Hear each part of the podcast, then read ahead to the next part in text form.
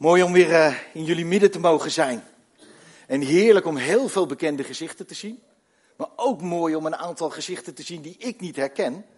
Uh, dat er nieuwe mensen zijn toegevoegd aan de gemeente. En uh, super mooi. En ik wil vanmorgen met jullie nadenken over een thema. Wat ik zelf een heel mooi thema vind. Is leren van Jezus.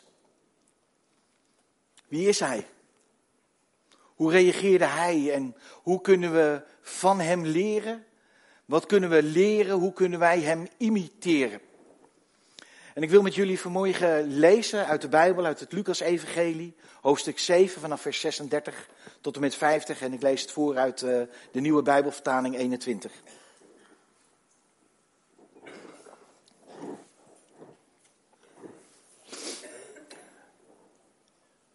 Daarboven staat de liefde van de zondares. Een van de fariseeën nodigde hem uit om te komen eten. En toen hij het huis van de fariseeën was binnengegaan, ging hij aanliggen voor de maaltijd.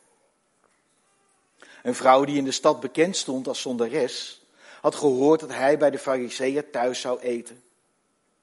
En ze ging naar het huis met een albasten flesje met geurige olie. Ze ging achter Jezus staan, aan zijn voeteneinde. Ze huilde en zijn voeten werden nat door haar tranen. Ze droogde ze met haar haar, kuste ze en zalfde ze met de olie. Toen de fariseeën die hem had uitgenodigd dit zag, zei hij bij zichzelf, als hij een profeet was, zou hij weten wie deze vrouw is die hem aanraakt, dat ze een zondares is. Maar Jezus zei tegen hem, Simon, ik heb je iets te zeggen. Meester, spreek, zei hij. Er was eens een geldschieter die twee schuldenaars had. De een was hem 500 denari schuldig, de ander 50. Omdat ze het geld niet konden terugbetalen, schold hij beide hun schuld kwijt. Wie van de twee zal hem het meeste liefde betonen? Simon de Fariseer antwoordde, ik veronderstel degene aan wie hij de grootste bedrag heeft kwijtgescholden. En Jezus zei tegen hem, dat is juist geoordeeld. Toen draaide hij zich om naar de vrouw en vroeg aan Simon, zie je deze vrouw? Ik ben jouw huis, in jouw huis te gast en je hebt me geen water voor mijn voeten gegeven. Maar zij heeft met haar tranen mijn voeten nat gemaakt en ze met haar haar afgedroogd. Je hebt me niet begroet met een kus, maar zij heeft, sinds ik hier binnenkwam, onophoudelijk mijn voeten gekust. Jij hebt mijn hoofd niet met olie gezalfd. Maar zij heeft met geurige olie mijn voeten gezalfd. Daarom zeg ik je. Haar zonden zijn haar vergeven. Al waren het vele. Want ze heeft veel liefde betoond. Maar wie weinig wordt vergeven, betoont ook weinig liefde. Toen zei hij tegen haar, uw zonden zijn u vergeven. De andere gasten dachten bij zichzelf, wie is hij? Dat hij zelfs zonde vergeeft. En hij zei tegen de vrouw, uw geloof heeft u gered.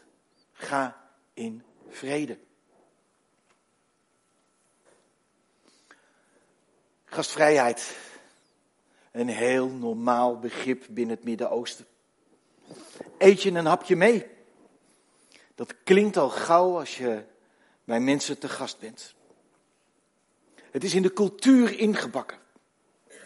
En een fariseeër met de naam Simon heeft Jezus uitgenodigd om bij hem thuis een hapje te komen eten.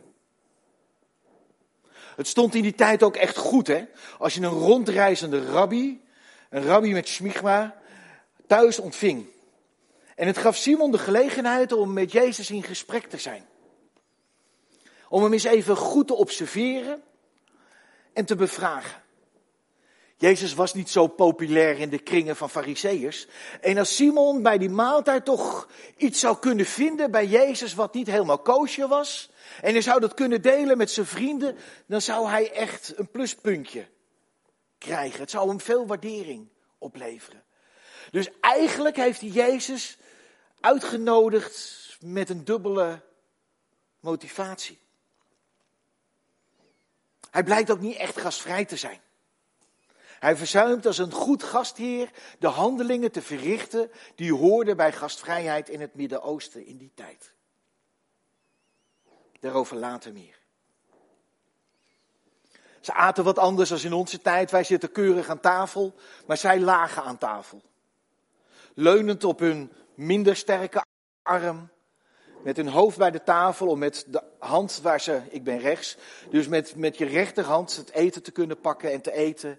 Je voeten lagen dan van de tafel af. En terwijl ze zo aan tafel liggen, komt er een vrouw binnen. En in de Bijbel, zoals we net gelezen hebben, staat deze vrouw bekend vanwege haar zonde. Er staat niet bij welke zonde. Maar veel commentaren en de algemene idee is dat zij een prostituee was. Dat ze het bed met vele mannen deelde. Ze behoorde niet tot de gastenlijst, ze was niet uitgenodigd, maar ze kon heel eenvoudig binnenkomen in het huis van Simon. Ook dat is wat anders in onze tijd. Wij sluiten de voordeur. Nou, misschien als we zomers een barbecue hebben, staat de poort nog open. Maar daar waren de huizen open. En mensen konden door de ramen naar binnen kijken. Het was eigenlijk een soort soap voor die tijd. Het was interessant als je een belangrijke gast had, dat mensen stonden te kijken naar wat je at en hoe dat ging en welke gesprekken er gevoerd werden. Dat was de televisie van die tijd. En er stonden mensen rondom het huis en mensen kwamen binnen. En het was niet zo, jij mag de deur niet van mijn huis binnengaan, maar dat was ook een onderdeel van de gastvrijheid. In de Bijbel staat er niet bij wat de reden is dat deze vrouw komt. We weten ook niet of ze elkaar eerder ontmoet hebben. Maar blijkbaar heeft deze vrouw, nadat ze gehoord heeft dat Jezus de gast is bij Simon, een enorm sterke behoefte om naar hem toe te gaan. En ze neemt een, een kruikje mee met geurige, kostbare olie. Ze gaat binnen in een huis waarvan ze weet, ik word hier niet gewaardeerd. Mensen kijken op mij neer. En toch, ze wil daarheen. Ze heeft dat kruikje met die olie bij zich, waarschijnlijk mirre. En dat is een dure parfum. Dat werd echt gebruikt voor hele speciale gelegenheden. Een zalfolie. En dan is die vrouw bij Jezus en dan begint ze te huilen. Ik kan over het algemeen best aardig huilen. Dat hebben jullie wel eens gemerkt ook tijdens een dienst of tijdens een uitvaart. Dat ik eh, het niet droog kon houden. Maar hier staat dat die vrouw zo intens huilt. Dat ze met haar tranen de voeten van Jezus nat maakt. Moet je je voorstellen. Ik heb nog nooit zo hard gehuild dat ik denk van ik zou mijn eigen voeten nat kunnen maken. Maar die vrouw die huilde dus zo hard, zoveel, zoveel traanvocht komt er bij haar vrij, dat ze de voeten van Jezus daadwerkelijk nat kan maken. Ze huilt. Ze huilt het uit. En ik vraag me af waarom. Was het liefde? Blijdschap? Berouw? Boete? Het staat er niet. En dan maakt ze er haar los. Een beweging die wij nog wel eens zien gebeuren, dat iemand die een staartje in heeft, een staartje losmaakt. Maar in die tijd en in die cultuur was dat zeer ongepast. Dat de vrouw haar haren losmaakte waar andere mannen bij waren. Zoals moslimvrouwen hun haren bedekken met een hoofddoek. Als er een andere man is. Zoals in die tijd, je droeg je haar bij elkaar. En je haar losmaken waar andere mannen bij waren. Dat was zelfs een reden voor echtscheiding. Het was zeer ongepast. En die vrouw is daar in het huis van die fariseeën, waar ze niet gewaardeerd wordt, waar ze niet helemaal op haar gemak is. Maar bij Jezus. En ze haalt het uit. En haar manier om de voeten van Jezus, die ze nat gemaakt heeft met de tranen, droog te maken, is door zich eigenlijk gewoon te vernederen, door haar haar los te maken en met haar haren de voeten van de Heer Jezus te gaan afdrogen. Kon haar niet schelen wat de mensen over haar zouden zeggen. Het kon haar niet schelen wat de mensen over haar zouden denken. Ze was gekomen met één doel. Zoals wij de dienst geopend zijn met dat lied. Ze was gekomen met één doel en dat bent u. Jezus. Ze wilde hem dienen. Ze kust hem. Ze zalft zijn voeten met die kostbare olie. En het was een teken van diepe verering en intense dankbaarheid. De reden dat ze zijn voeten en niet zijn hoofd zalft, wat gebruikelijk was, is wellicht vanwege het feit dat ze zijn voeten had nat gemaakt. En dat die aan die kant van de tafel waren waar ze bij kon. Diep geraakt door een ontmoeting met Jezus. Als ik dat stukje goed lees, dan denk ik, zouden er überhaupt woorden gewisseld zijn? Of is dit allemaal in stilte gebeurd, waarbij er niks gezegd wordt, maar waar er zoveel gecommuniceerd wordt? Er gebeurt zoveel in die ontmoeting. En Simon de Fariseer, die heeft het zitten bekijken. Met zijn gekleurde bril op. Hij heeft zijn oordeel klaar. Als Jezus daadwerkelijk een profeet is. En hij denkt, ik heb nu wat om tegen mijn Fariseese vriendjes te vertellen. Dan zou hij het echt wel geweten hebben. Wat voor soort vrouw dat is. Zij behoort niet tot ons soort mensen. Dit is een slechte vrouw. Een zondares.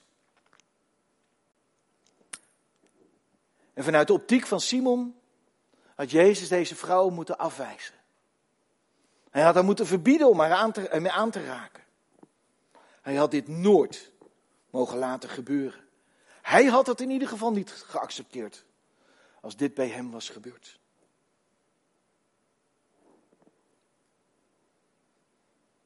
De Heer Jezus doorgrondt de gedachten van Simon. Hij stelt hem een vraag over, twee geld, over een geldschieter en twee schuldenaars.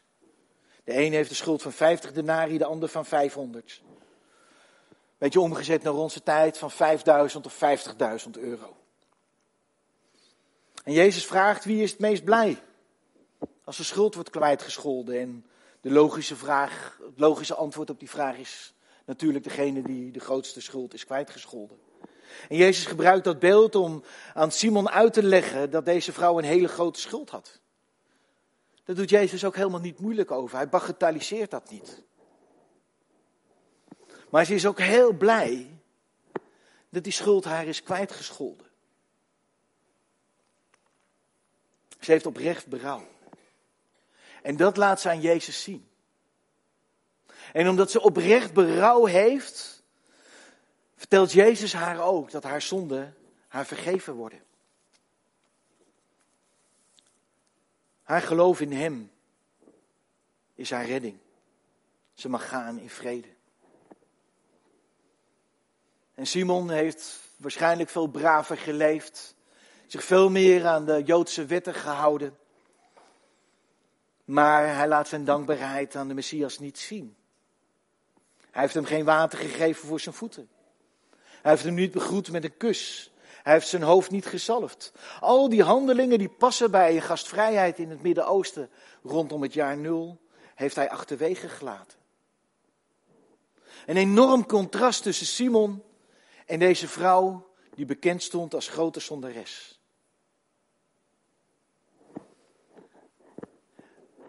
En eerst dacht ik, ik ga die verschillen verder uitvergroten.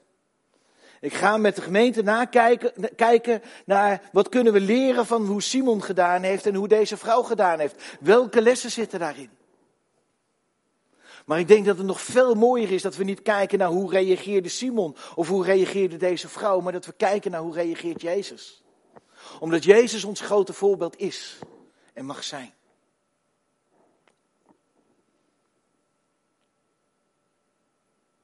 Jezus wordt uitgenodigd door een fariseer in zijn huis. En Jezus die alles weet, kent ook het hart en de bedoeling van deze fariseer. En natuurlijk heeft Jezus doorgrond dat Simon hem niet uitnodigde om hem te dienen, maar om te scoren met zijn gast. En om te proberen Jezus te vangen op een verkeerde uitspraak of op een verkeerde daad. En desondanks is hij op die uitnodiging ingegaan. Ik zou me heel onprettig voelen.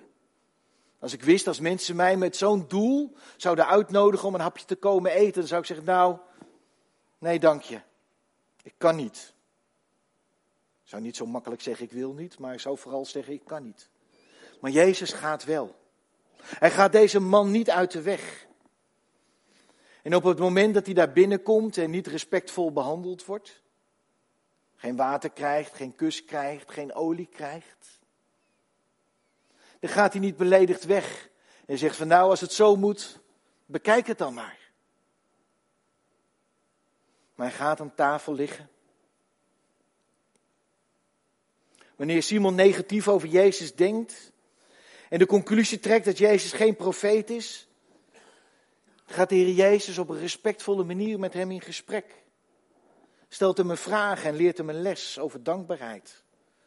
Complimenteert hem zelfs met het antwoord. En daarna worden de feiten op een rij gezet. Met betrekking tot het handelen van Simon en de vrouw. Maar Jezus veroordeelt Simon op geen enkel moment. Nergens dat vingertje. Hij heeft geduld. Hij geeft ruimte. En dan Jezus' reactie op de vrouw. Zoals eerder gezegd, we weten niet of ze elkaar al eerder ontmoet hebben. We weten niet waar ze elkaar van kennen. Maar ze is gekomen. En Jezus kende haar. Hij kende haar verleden. Hij kende haar zonde. En toch, hij wijst haar niet af.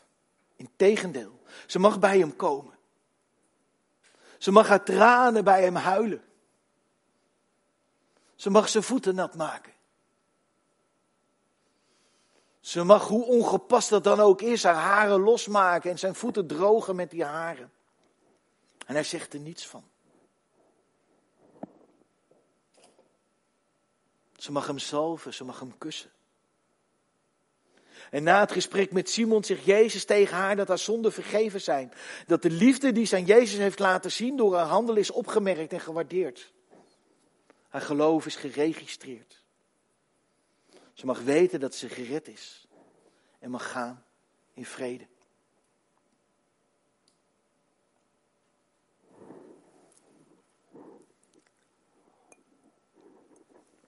Wat een liefde, wat een acceptatie.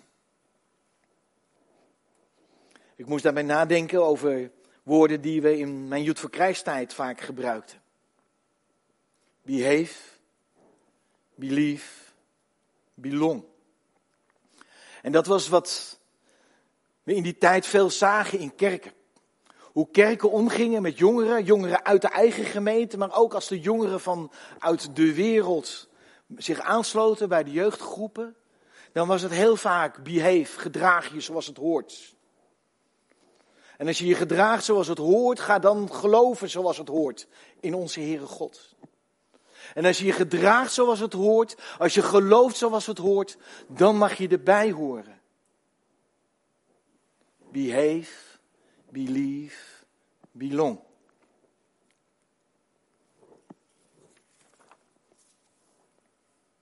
Ik denk dat Simon, de fariseeën, zich daar ook wel in zou kunnen vinden.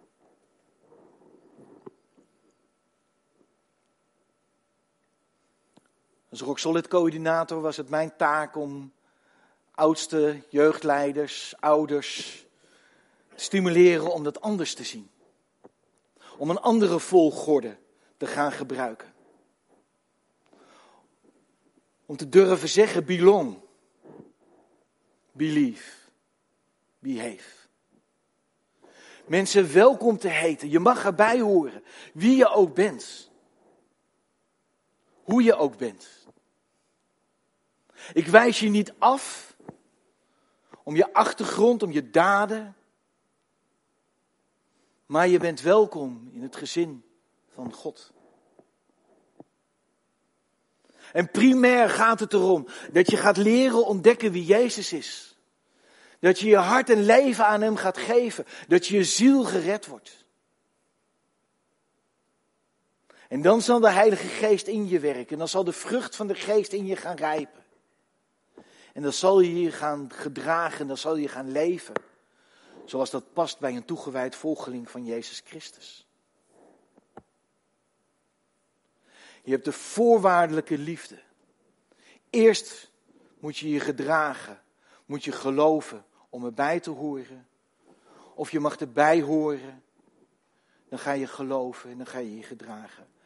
De voorwaardelijke liefde en de onvoorwaardelijke liefde. En Jezus laat in dit gedeelte, in hoe hij met deze mensen omgaat, zo duidelijk zien. Dat zijn levensstijl is de onvoorwaardelijke liefde. En ik vind het niet eenvoudig om altijd onvoorwaardelijk lief te hebben.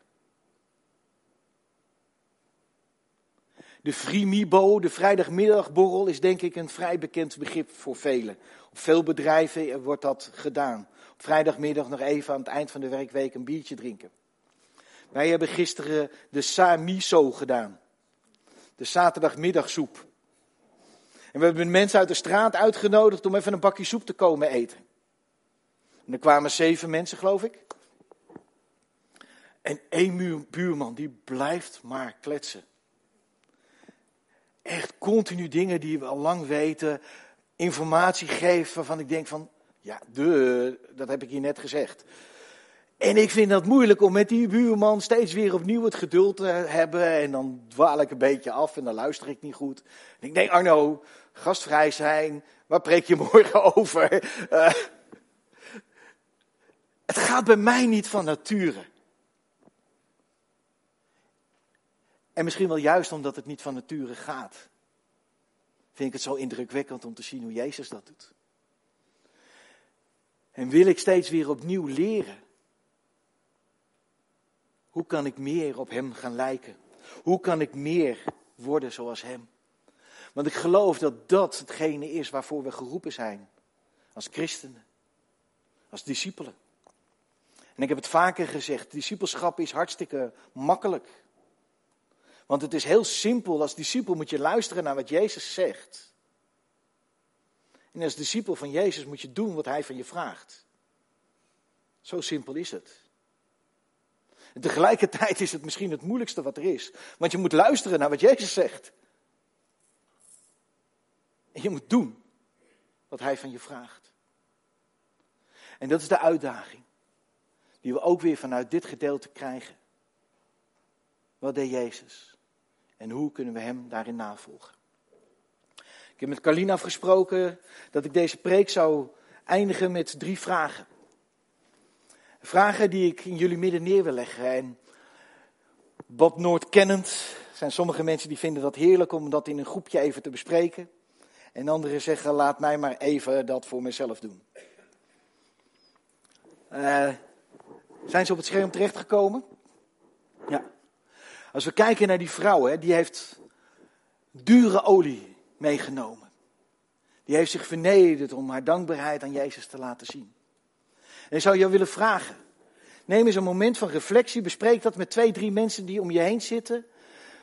Hoe kan ik mijn dankbaarheid aan Jezus laten zien? Heer, mijn dankbaarheid is groot voor wat u heeft gedaan. We zingen dat makkelijk. Maar hoe doe je dat? Hoe zou je dat de komende week concreet kunnen doen? Denk er eens over na, voor jezelf, even met z'n tweeën. En uh, ik druk wel even op een soort toeter als we naar de volgende vraag gaan. Je mag stoelen draaien en zo. En het mag rumoerig worden.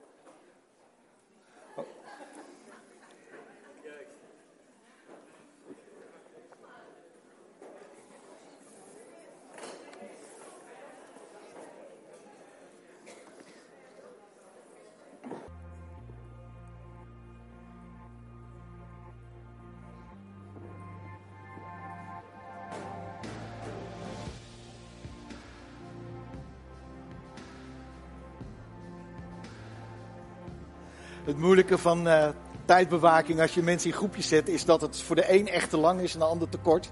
Maar de tweede vraag. Weet je, Simon die wilde graag uh, die vrouw buitensluiten. Dat zie je aan zijn hele gedrag.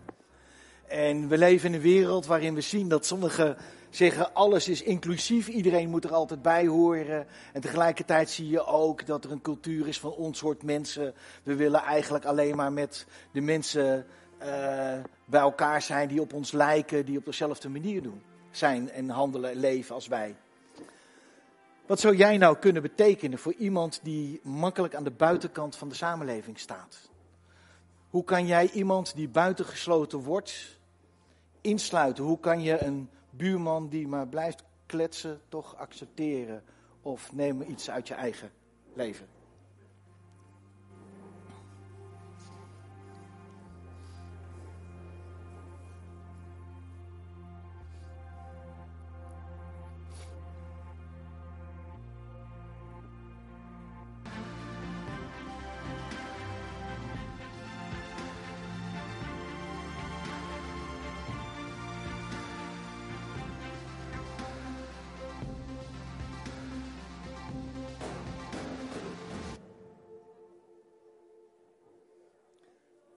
Nando, is dat het teken voor de volgende vraag?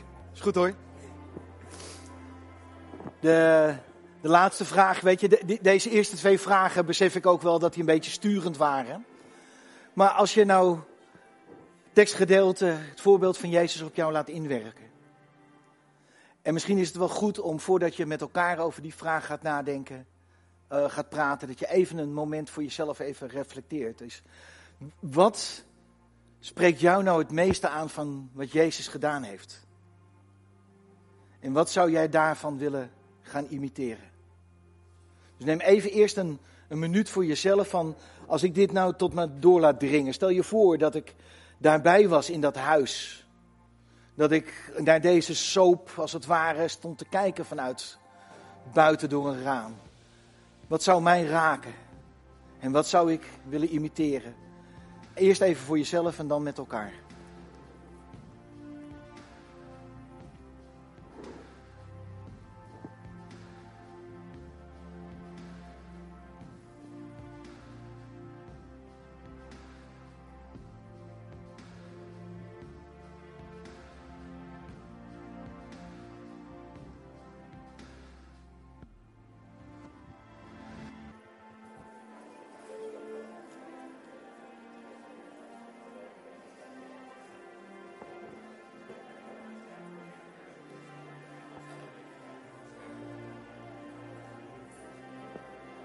Sommigen zijn uitgepraat en anderen nog lang niet. Gelukkig hebben we straks ook nog koffie. Dan kan je verder doorpraten. Ik zou graag deze preek willen afsluiten met gebed.